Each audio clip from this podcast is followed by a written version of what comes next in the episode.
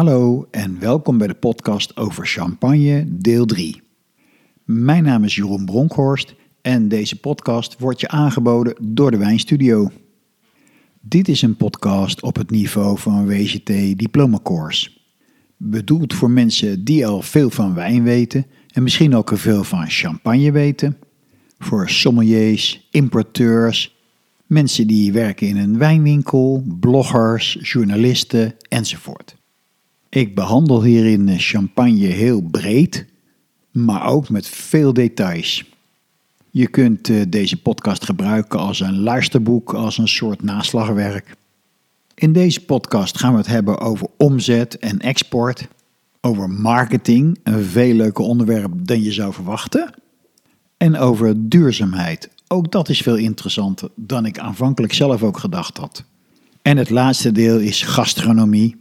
Het combineren van champagne en eten, zeer de moeite waard. Meer inleiding is niet nodig, dus ik stel voor, laten we maar beginnen met het eerste onderwerp, de omzet en de exportmarkten van champagne. We weten het allemaal, champagne is big business. In totaal worden er gemiddeld 320 miljoen flessen per jaar geproduceerd met een omzet van 6 miljard euro. Dat betekent een gemiddelde omzet per fles van bijna 19 euro. Dat is extreem hoog. Er wordt veel geld verdiend in de champagne. Als je dat vergelijkt met Bordeaux. Champagne is 34.000 hectare. Bordeaux is ongeveer 120.000 hectare. Maar champagne heeft meer omzet. Wij kennen natuurlijk allemaal die top Bordeaux's, maar je moet niet vergeten dat er ook een heleboel Bordeaux aan de onderkant van de markt is. Natuurlijk is er ook goedkope champagne, met name met kerst in de supermarkt. Maar als je zegt een champagne van 15 eh, euro, dan praat je over zeer goedkope champagne. De keerzijde van al dat geld is dat de wijnhuizen behoorlijke financiële risico's lopen. Ze moeten een flinke buffer hebben.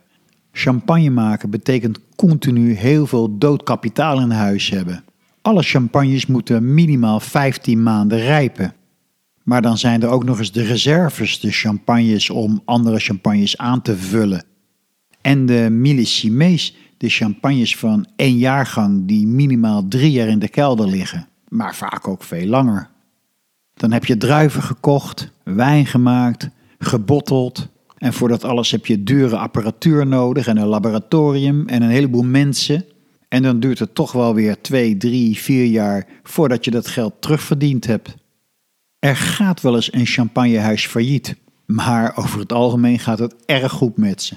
Je bent vast wel eens bij een eh, champagnehuis op bezoek geweest. En als je dan die enorme oprijlanen ziet en die kastelen van huizen en je ziet peperdure marketingcampagnes, dan komt er een moment dat je je realiseert dat dat allemaal betaald wordt van de champagne die jij koopt.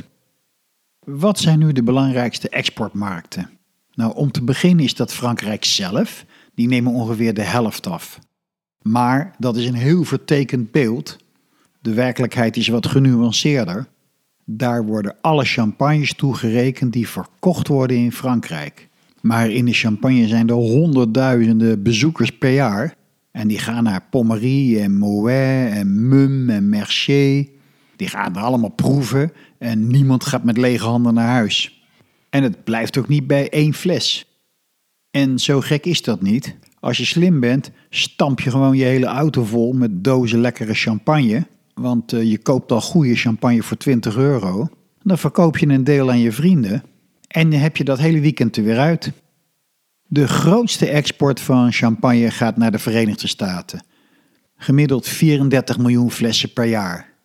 Daarna komt eh, Groot-Brittannië met 30 miljoen flessen. En daarna, dat zou je misschien verrassen, wie denk je dat de volgende is? Ik geef je even de tijd om na te denken.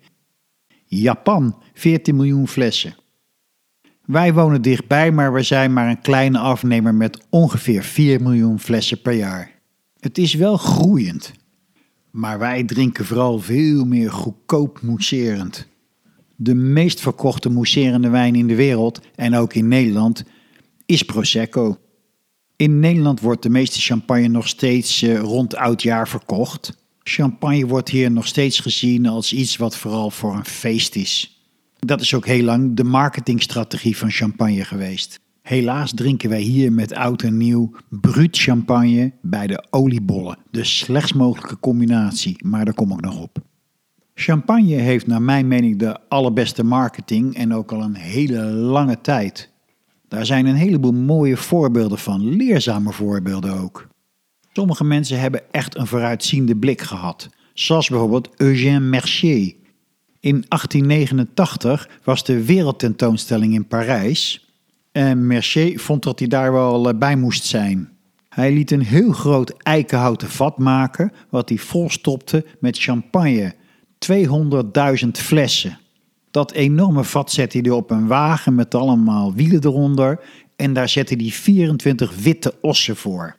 Zie je het voor je, prachtig gezicht. En met die hele karavaan trok hij naar Parijs. Er zijn zelfs stukjes weg voor hem rechtgetrokken om die hele stoet door te laten. Hij kwam daar bij de Eiffeltoren aan en onder de Eiffeltoren schonk hij champagne aan de Parijzenaren. En dat is tot op de dag van vandaag nog steeds een traditie met oud en nieuw champagne drinken in of onder de Eiffeltoren. Een geweldige marketingstunt en hij heeft er goed mee gescoord. Hij won de tweede prijs van de wereldtentoonstelling en de Eiffeltoren won de eerste prijs. Niet alleen is de marketing ontzettend goed, er is ook een hele goede bescherming van de naam. Overal in de wereld worden processen gevoerd om de naam champagne uniek te houden. Er is een dorp in Zwitserland dat heet Champagne, maar de wijn die zij produceren mag geen champagne heten.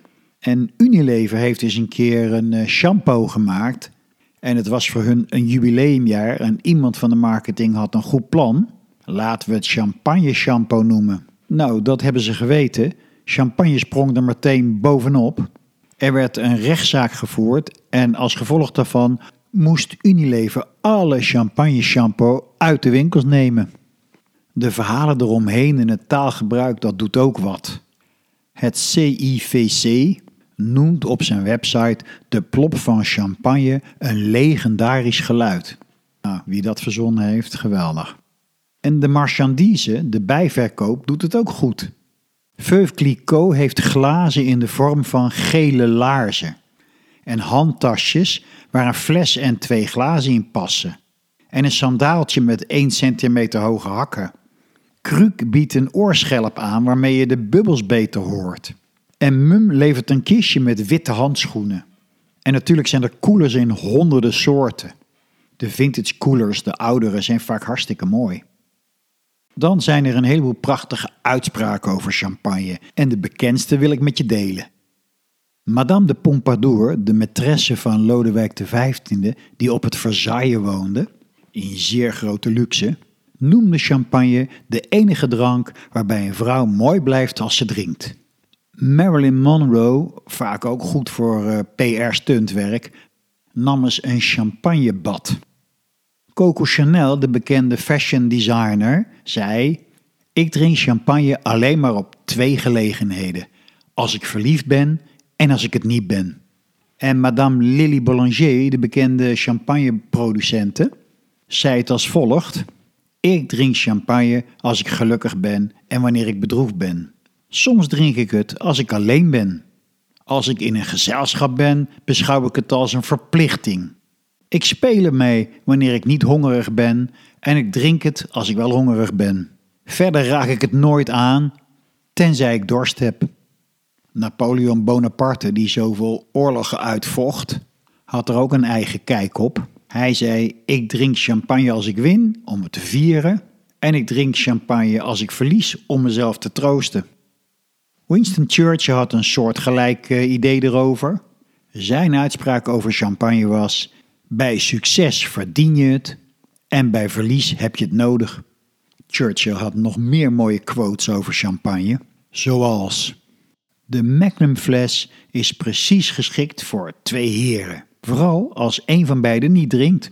En nog eentje. Onthoud heren, het is niet alleen Frankrijk waar we voor vechten, het is voor de champagne.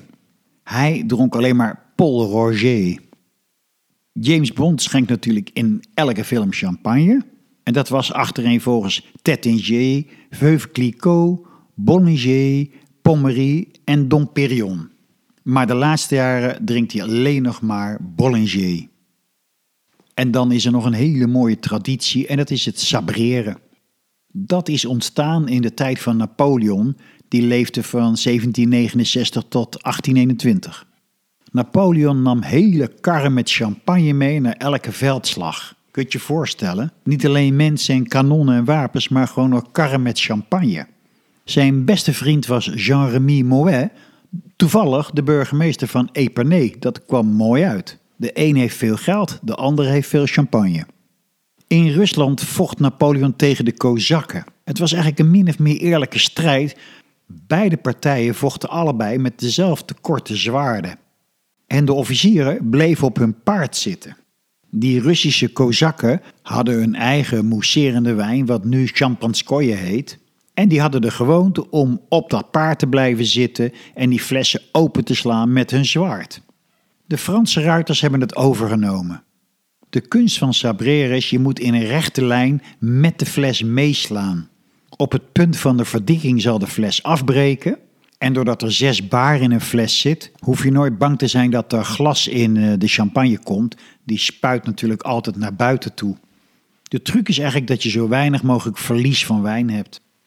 Die traditie is weer in ere hersteld door de Confrérie de Sabre d'Or. Dat is omgeven met allerlei rituelen.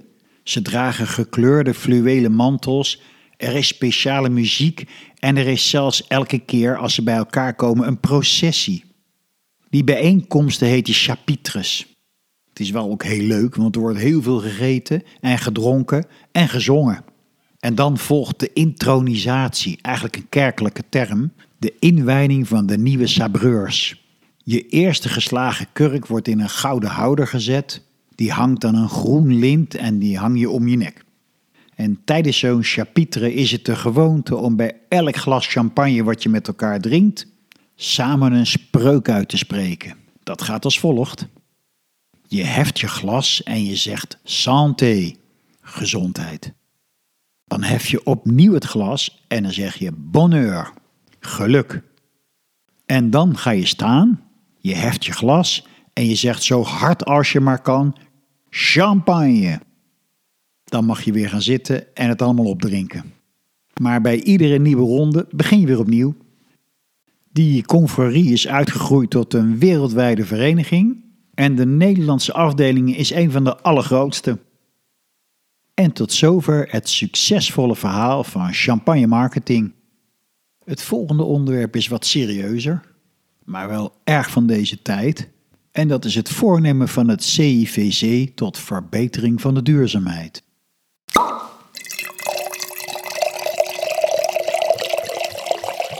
Iedereen weet dat er een klimaatverandering gaande is. En als er één beroepsgroep is die dat echt goed merkt, dan zijn het de wijnboeren. Er is heel veel aan het veranderen. Druivenoogsten in Europa vinden gemiddeld twee tot drie weken eerder plaats dan 30 jaar geleden. En traditionele wijnregio's met traditionele druiven laten nieuwe druivenrassen toe die beter bestemd zijn tegen een warm klimaat. Zoals de Portugese Torica Nacional in Bordeaux. Ook in Champagne vindt nu gemiddeld de oogst 20 dagen eerder plaats dan 30 jaar geleden. Het CIVC, het overkoepelende orgaan van wijnboeren, wijnmakers en handelaren, heeft besloten om duurzaamheid een belangrijk onderdeel van hun strategie te maken. Vanaf 2003 wordt elke vijf jaar de CO2-voetafdruk van de totale champagne-industrie gemeten. Interessant om te zien daaraan, het hoofdaandeel in de CO2-voetafdruk is de verpakking, met name glas. Dat is verantwoordelijk voor 32% daarvan. Vrachtvervoer staat voor 30%. De wijngaarden en de wijn zelf nemen slechts 14% voor hun rekening. Het CIVC heeft voor de verbetering van de voetafdruk drie thema's gekozen: de vermindering van de CO2-uitstoot, biodiversiteit en het gebruik van water. Voor het eerste, de CO2-uitstoot, zijn er zes thema's gekozen: duurzame wijnbouw en machinerie, duurzaam wijn maken en verpakking, gebouwen en energie, verpakking en vervoer, circulaire economie, hergebruik en bestuur. En voorbeelden van verbetering zijn plaatselijk geoogst hout voor vaten van biologische bedrijven, aanplant van meer vegetatie in de wijngaarden, dus meer absorptie van CO2, lichter glas, dat is alleen mogelijk door betere kwaliteit en meer controle over het proces. Een champagnefles woog gemiddeld 900 gram, tegenwoordig 835 gram. En dat betekent per jaar 17.000 ton CO2 minder. Er is een CO2-calculator, vrij beschikbaar voor alle leden. En er is een studie naar betere bundeling van export. Als je al die dingen bij elkaar optelt, zie je dat het niet alleen tot milieuverbetering leidt, maar het heeft ook economische voordelen. Voor de biodiversiteit is er in 2005 het Biodiv-plan opgesteld. Dat gaat dus specifiek over de wijngaarden. Zo wordt nu mechanisch wieden gestimuleerd in plaats van herbiciden gebruiken. Er zijn in de regio 60.000 bomen aangeplant. Er worden gewassen in de wijngaard geplant in plaats van herbiciden te gebruiken om de bodem te blijven bedekken. Er is een inzet van natuurlijke vijanden van insecten. En er is de beroemde en zeer succesvolle confusion seksueel. Dat wordt feitelijk al overal in de wereld gebruikt. Ik vind het leuk om dat even uit te leggen. Wijnboeren hebben veel last van allerlei insecten. Die vreten aan bladeren en bloemen en stengels. En brengen daarmee vaak ziektes over. Wetenschappers hebben die insecten onderzocht en ze kwamen tot de conclusie dat de levensduur van die beesten extreem kort is. Ze moeten zich de hele tijd snel voortplanten. En de vraag is, hoe doen ze dat? Als je zo'n heel klein mannetjesinsectje bent en je zoekt een vrouwtje van dezelfde soort, hoe vind je die? Zoveel zie je niet met die kleine oogjes. Nou, dat gebeurt door pheromonen. Geurstoffen die door vrouwelijke insecten afgescheiden worden en daar komen die mannetjes op af. Bas F. heeft al die pheromonen nagemaakt en in een plastic hangertje gestopt. Die bruine plastic hangertjes worden overal in de wijngaard aan die ijzerdraden opgehangen. Aanvankelijk vererger je het probleem, want je trekt dus ontzettend veel mannetjesinsecten aan. Die denken dat daar het paradijs is. Eén en al leuke vrouwtjes. Maar dan komt het probleem, ze vinden helemaal geen vrouwtjes. En daarmee kunnen ze zich dus ook niet voortplanten.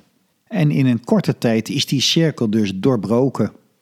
Die inzet van natuurlijke vijanden van de insecten en de confusion seksueel hebben gezorgd voor een reductie van maar liefst 95% van de insecticiden. Zo zie je dat praten en denken en plannen maken uiteindelijk echt wel tot een resultaat leiden. En dan is er de waterfootprint.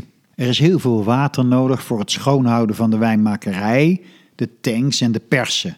Dat water moet herbruikbaar zijn, het gebruik moet omlaag. Afvoerwater van de wijnmakerij wordt steeds meer gezuiverd en op het land gebruikt. En er wordt tegenwoordig op grote schaal regenwater opgevangen. En dan is er nog het circulaire werken, het hergebruik van materialen. Sommige dingen bestonden al, zoals het snoerhout versnipperen en terug op het land brengen. En de restanten van de wijnproductie distilleren. Het teruggenomen afval van wijnproductie is nu 92%. Er is een recyclingsysteem ingezet voor plastic verpakkingen van schoonmaakproducten. Kurk wordt ook teruggenomen en gebruikt in een kunstatelier. Er is een project om gezamenlijk groene energie op te wekken en gebroken pallets kunnen gerepareerd en opnieuw gebruikt worden. Ten slotte is er de certificering. Meer dan 60% van champagne valt nu onder een biologische of duurzame certificering en het streven is 100% in 2030. Tot zover het overzicht van duurzaamheid in champagne. En dan gaan we nu naar het lekkerste onderdeel van deze podcast en het is gastronomie. Champagne en gerechten, kun je dat met elkaar combineren? Nou, het antwoord is natuurlijk ja. En de vraag is hoe, wat werkt het beste en wat werkt eigenlijk niet zo goed? En dat ga ik je vertellen. Gastronomie, dat is het maken van de beste wijn-spijscombinaties. Maar eigenlijk is gastronomie een veel breder begrip. Het betekent ook de kunst van het genieten van lekker eten, lekker drinken en dineren. En met elkaar aan tafel zitten. Het is ook cultuur. Ik zal me nu beperken tot gastronomie als de juiste combinatie van wijnen en gerechten. Daar is een heel simpel basisprincipe voor. En dat luidt: hoe meer het karakter van gerecht en wijn op elkaar lijken, hoe beter de match. Op zich heel duidelijk, maar dan komt de vraag: wat is dan karakter? Wat bepaalt dat? En dan wordt het al een stukje interessanter. Als we beginnen met de gerechten, om een gerecht te beoordelen zijn er drie elementen waar je naar kijkt. En dat is product, bereiding en garnituur. Product is bijvoorbeeld koop je vers of diepvries, gebruik je een kippenbout of uh, een kipfilet. Bereiding gaat over je kookwijze. En in grote lijnen valt die in twee groepen uiteen: met water of zonder water. Elke bereiding met water verzacht de smaken. De meest verzachtende methode is koken. Dat wil zeggen een product opzetten met koud water, zoals aardappelen. De meest neutrale bereidingen zijn stomen en wokken en roerbakken, wat je dus veel in de Thaise keuken tegenkomt. En de meest smaakversterkende bereiding is grill, met name houtskoolgrill. Je moet goed begrijpen, dit zijn geen waardeoordelen. Koken is niet minder dan grillen. Smaak verzachten is niet minder dan smaak versterken. Het is een andere keus met andere resultaten. En wat betreft de garnituren, dan moet je denken aan groentes, maar ook aan sauzen. Alles wat je extra toevoegt aan het hoofdelement van je gerecht. Je kunt je voorstellen dat een roomsaus een heel ander effect op je eten heeft dan een saus op basis van getrokken en ingekookte bouillon. En je kunt je natuurlijk ook voorstellen dat daardoor de keuze van je wijn compleet verandert. Als we kijken naar de wijn, dan hebben we het over de stijl. Stijl is in feite een ander woord voor smaak. De standaard champagne sans année, dus zonder jaartal, de blend, die komt heel fris over. Maar als je het hebt over een millissimé, een wijn van één jaargang die minimaal drie jaar gerijpt is, dan praat je over een champagne die veel dikker en rijker is, complexer ook. De rijpingstijd maakt dus erg veel uit in de stijl van de champagne, maar uiteraard ook de producent. Er zijn producenten die hun champagne vooral richten op de frisheid, zoals Deutz. Moet kiest ervoor bij Brut Imperial, de standaard champagne, om het zoetgehalte veel hoger te maken. En wijnhuizen als Cruc en Bollinger laten hun basiswijnen rijpen op hout en dat proef je. Die champagnes worden daar dikker en complexer van. En dan maakt het uit welke druivenrassen gebruikt zijn. Een Blanc de Blanc van Chardonnay heeft over het algemeen een hele fijne mousse. In principe is dit de meest verfijnde stijl. Een champagne van Pinot Noir geeft veel meer een wijnsmaak. En soms past die zelfs goed bij vlees. Een champagne op basis van Pinot Meunier, met zijn peer en wit fruit, is met name heel sterk in de zoete stijlen. Dan krijg je een prachtige dessert champagne. Champagne is altijd zeer zuiver en schoon, want je proeft ieder klein foutje. Daarom is er heel veel vakmanschap nodig. Kenmerkend voor champagne zijn altijd de hoge zuren. De zuurgraad zit in dezelfde categorie als Duitse Riesling en Madeira.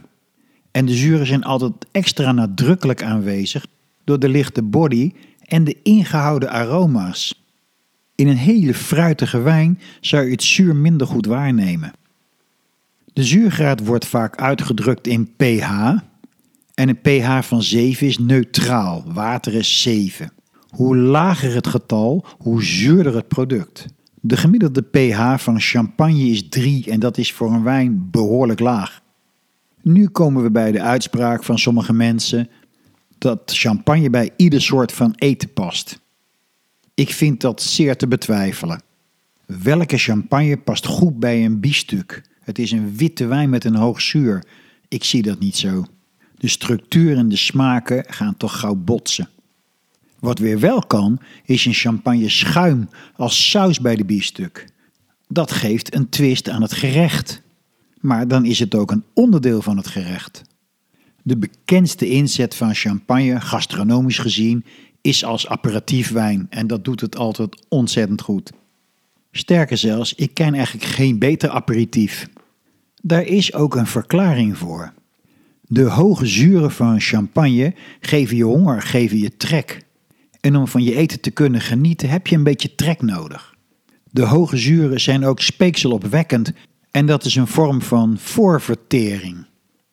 De hoge zuren en de moes maken je smaakpapillen schoon. Je proeft daarna alles beter. Dat is geen fabeltje, dat kun je echt zelf ervaren. Let maar op de volgende keer dat je champagne als aperitief drinkt. Bovendien heeft champagne niet van die enorm uitgesproken aroma's, dus je bent niet verzadigd, je staat open voor nieuwe smaken. Ten slotte heeft champagne een redelijk laag alcoholgehalte en zeker niet te veel body. Dat geeft dus alle ruimte aan wat er daarna nog gaat komen. Ik moet er wel bij zeggen, al deze voordelen vervallen bij zoete champagne. Dat is een heel ander verhaal. Zoete champagne is echt een dessertwijn. Waar doet champagne het allemaal goed bij? Nou, borrelhapjes zoals kaassoesjes. En heel ordinair, maar ik vind het goed werken, chips. Het is dé wijn bij de Japanse keuken. Waarom? Omdat het heel puur eten is, met veel rauwe en korte bewerkingen, zoals roerbakken en stomen. En er wordt veel vis gebruikt. Denk maar aan sashimi en sushi. De subtiele en verfijnde smaken van champagne vormen een goede combi. Dan is champagne ook een voorgerecht wijn. Met name heel geschikt bij schaal- en schelpdieren. Oesters, kreeft, kokieën. Even over die oesters. Er is een heel groot verschil tussen oesters. Formaat 000 is 150 gram. Eigenlijk uh, formaat biefstuk dat type oesters vraagt natuurlijk om een champagne die veel voller en rijker en grijpter is. Millicime dus.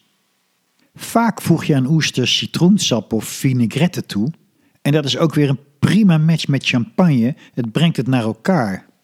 Als je bij je oesters boter gebruikt of als je ze gratineert met kaas, heb je weer een dikkere champagne nodig. Kreeft en krab zijn altijd iets zoet en het is een optie om in plaats van een bruut champagne een extra sec te nemen. Wat ik altijd erg goed vind werken is champagne en mirikswortel. Of wasabi, als je die krijgen kan, die is wat milder en wat zachter. Overigens, die goedkope groene tubetjes eh, wasabi, dat is geen wasabi hoor. Echte wasabi is hartstikke duur. Heerlijk om mee te beginnen, een blini met wasabi en champagne. En een andere tip is caviar. Het gekke is, ze hebben eigenlijk een tegengestelde body. Champagne is zuur en het staat tegenover het ronde en het volle van de caviar. Hoe kan dat? Nou, dat is het zilt, het zoutige. Nu treedt er een ander gastronomisch verschijnsel op, dat van de spanning. Caviar en champagne hebben een bepaalde spanning met elkaar, maar het zilt verbindt ze weer. En dat maakt het gewoon extra leuk. Daarbij, champagne is een luxe wijn en caviar is een luxe eten. Dus heb je twee keer een luxe beleving. Kun je champagne ook bij hoofdgerechten gebruiken? Ja, dat kan. Want het verschil tussen een voorgerecht en een hoofdgerecht is per definitie niet absoluut. Het kunnen dezelfde gerechten zijn, alleen in de volgorde is het anders. Meestal zijn hoofdgerechten wat rijker en voller vanwege de menuopbouw en kies je voor een wat voller en steviger champagne. Wat doet het nog meer goed bij champagne behalve schalen, schelpdieren en vis? Nou, dan moet je denken aan gevogelte, kip, kwartel, parelhoen. En als je denkt aan vlees, vooral wit vlees, kalfsvlees en zwezerik. Voor vis geldt ook weer, er kan structuurverschil zijn, vooral als je vetvis eet, zoals zalm. Maar ook hier gaat de smaak en het zout in de vis een goede verbinding met champagne aan. Dan de groentes, de bijgerechten. Vooral de scherpe dingen matchen, die van de uienfamilie. Ui, prei, knoflook, bieslook, daslook. En verder groenten zoals asperges, venkel en spinazie. En uiteraard de zeegroentes zoals zeekraal en lamsoor. Bij aardse groenten zoals knollen en paddenstoelen krijg je niet zo'n mooie match. Maar hier is champagne wel weer heerlijk in een schuim of een crème. Dan wat betreft de bereidingen. Je gaat vooral naar de niet-waterbereidingen. Droge bereidingen en droog bakken maakt gerechten knapperig. En knapperig past goed bij het zuur van de champagne. Groentechips bijvoorbeeld. Grillen maakt ook droger en scherper, dus ook dat past goed. Maar let op, houtskoolgrill is wel een moeilijk verhaal. Over het algemeen gaan die gerechten over de champagne heen. Als je het over bakken hebt, olijfolie vind ik een minder mooie match. Boter gaat wel goed, maar je hebt een rijke stijl champagne nodig. En de pure bereidingen doen het dus heel goed, zoals rauw en roerbakken en stomen. Nog andere garnituren die het goed doen. Laten we kijken naar de kruiden. Er zijn specifieke kruiden die zeer goed matchen met champagne. En dat is peterselie, dragon en dille. Die kruiden hebben van zichzelf ook een bepaalde frisheid. Veel minder geschikt vind ik mediterrane kruiden zoals tijm en rozemarijn. Erg lekker, maar niet bij champagne.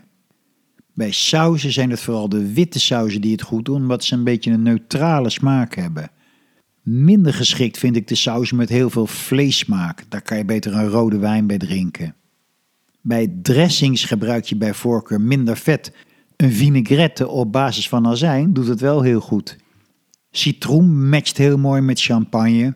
En als we naar noten kijken, zijn het vooral amandelen die het goed doen. Pinda's vind ik niet zo lekker bij champagne. En misschien heeft dat iets ermee te maken dat pinda geen noot is, maar een peulvrucht. Mocht je trouwens eens wat eh, champagne over hebben, dan is dat nooit verloren. Roeren door een saus, het geeft vaak een fantastisch resultaat. En dan komen we in het menu aan bij de desserts. Uiteraard kun je hierbij alleen maar zoete champagnes gebruiken. Demi-sec van 35 tot 50 gram suiker per liter of doe meer dan 50 gram suiker per liter. Welke desserts passen nou het beste? Nou, in de eerste plaats sorbetijs. Qua fruit doen persik en nectarine het heel goed, vooral als je ze grilt. Verder moet je denken aan zuurfruit, zoals granaatappels, rode bessen, zwarte bessen en frambozen. En als je iets met peren doet, ja, dan moet je Pinot Meunier gebruiken uit de Vallée de la Marne. En dan zijn er nog een aantal desserts waarin champagne verwerkt is. Met erg lekkere resultaten, moet ik zeggen. De eerste waar je aan denkt is de sabayon. Dat is warm geklopte eidooier met suiker en champagne, die vaak als een luchtige saus over vers fruit uitgegoten wordt. Je kunt ook champagne gelei maken met suiker en gelatine. En in Engeland is heel bekend de champagne trifle. Dat is een dessert wat je opbouwt in laagjes. Onderin zit cake met champagnegelei en daarop vla en fruit. Als we het toch over champagne in Engeland hebben, champagne is een belangrijk onderdeel van de Engelse cultuur. We kennen allemaal het Wimbledon tennistoernooi en de klassieker die daar geserveerd wordt is aardbei met slagroom en een glas champagne. Tijdens zo'n toernooi worden er tienduizenden flessen geopend en Lanson Champagne is het huismerk. In Wimbledon heeft Empire John Blom eeuwige bekendheid verworven met zijn publieke waarschuwing tijdens de wedstrijd tussen Benoit Paire en Jiri Vaseli. Toen hij omriep: Ladies and gentlemen, if you're opening a bottle of champagne, don't do it as the players are about to serve. Dit fragment is te beluisteren op YouTube. Het ploppen van de champagnekurken stoorde de tennissers. En het zouden geen Engelsen zijn als daar niet meteen een quote over gemaakt werd. Where and when to pop up your champagne is such a Wimbledon problem. Trouwens, interessant, bring your own champagne is toegestaan op Wimbledon. En als laatste gastronomische onderwerp zijn er nog cocktails van champagne. En de allerbekendste is uiteraard de Kiroyal. Champagne met zwarte bessenlikeur uit Dijon. Aanvankelijk bedacht om die schrale, zure wijn een beetje aangenaam te maken. Dan heb je de Mimosa, champagne met sinaasappelsap en Cointreau. En de Bellini, champagne met perzik. Dan zijn er eindeloos veel combinaties met gin. En ook met angostura, een kruidenbitter, en met cognac. Vroeger werd cognac ook wel aan de dosage toegevoegd. Nog iets over het effect van champagne. Moes, de bubbeltjes, versnelt de opname van alcohol in het bloed. Het stijgt snel naar je hoofd. Maar mijn ervaring is, van veel mensen om me heen ook, je kunt veel champagne drinken zonder er ziek van te worden. Je moet het alleen niet gaan mixen met andere wijnen. Tot zover champagne en gastronomie. Als je weer eens van plan bent om champagne te bezoeken, dan heb ik wat tips voor je. Want het kan niet altijd. Zo is bezoeken op zondag een crime. Een heleboel bedrijven doen niet open. Verder moet je eigenlijk nergens aanbellen tijdens lunchtijd tussen 12 en 2 uur. En ook na vijven hoef je het niet meer te proberen. En in het algemeen ook niet in augustus, dat is de Franse vakantietijd. En dan hebben meerdere mensen tot hun schade en schande ondervonden dat er heel veel Franse feestdagen zijn waarop bedrijven dicht zijn. Ik heb ze voor je op een rijtje gezet. Dat zijn 1 mei, de dag van de arbeid. 8 mei, bevrijdingsdag. 1 en 2 paasdag. Hemelvaart. 1 en 2 Pinksterdag. 14 juli, de nationale feestdag. 15 augustus, Maria Hemelvaart. 1 november, Allerheiligen. 11 november, de wapenstilstand van de Eerste Wereldoorlog. Kerstavond, eerste kerstdag en oud en nieuw. 15 dagen in totaal. De grote champagnehuizen hebben allemaal hun best gedaan om op hun eigen manier aantrekkelijk te zijn voor toeristen. Want tenslotte komen er heel veel toeristen en daar wordt veel geld mee verdiend. De Kastelaan heeft zo'n mooie toren. Mercier heeft dat vat wat naar de Eiffeltoren gereden is. Bij Mum ga je in het treintje door de gangen. En bij Pommerie koop je een ticket, dan ga je door een poortje. Dan ga je naar beneden over een enorm diepe trap. En het eerste wat je ziet is kunst, een hele grote omgekeerde olifant. Moes Pantecroon. Elk uur zijn er rondleidingen in het Engels, Spaans, Italiaans, Duits, Nederlands. De laatste keer dat ik er was, was de proefruimte ingericht door Karel Lagerveld. Heel indrukwekkend. En voor die grote wijnhuizen geldt, je kunt er gewoon naartoe gaan, je hoeft niks af te spreken. Ook bij de kleine wijnhuizen kun je vaak gewoon aanbellen. Je krijgt wat te proeven en meestal koop je champagne voor zeer redelijke prijzen. En het kan ook heel verrassend zijn. Ik was een keer bij een heel klein champagnehuis dat alleen maar Pinot Meunier gebruikte. En dat was mijn eerste ervaring met Pinot Meunier en ik proefde meteen die peer. Dat vergeet je nooit meer. Dan heb je de mooiste ervaringen bij bijzondere champagnehuizen. De huizen met een hoge status, zoals Bollinger, Kruk, Charles Heidsieck met zijn schitterende kelders, Brignac, Tettinger, Ruinard en Laurent Perrier die een voorraad van 10 miljoen flessen in de kelders laat rijpen.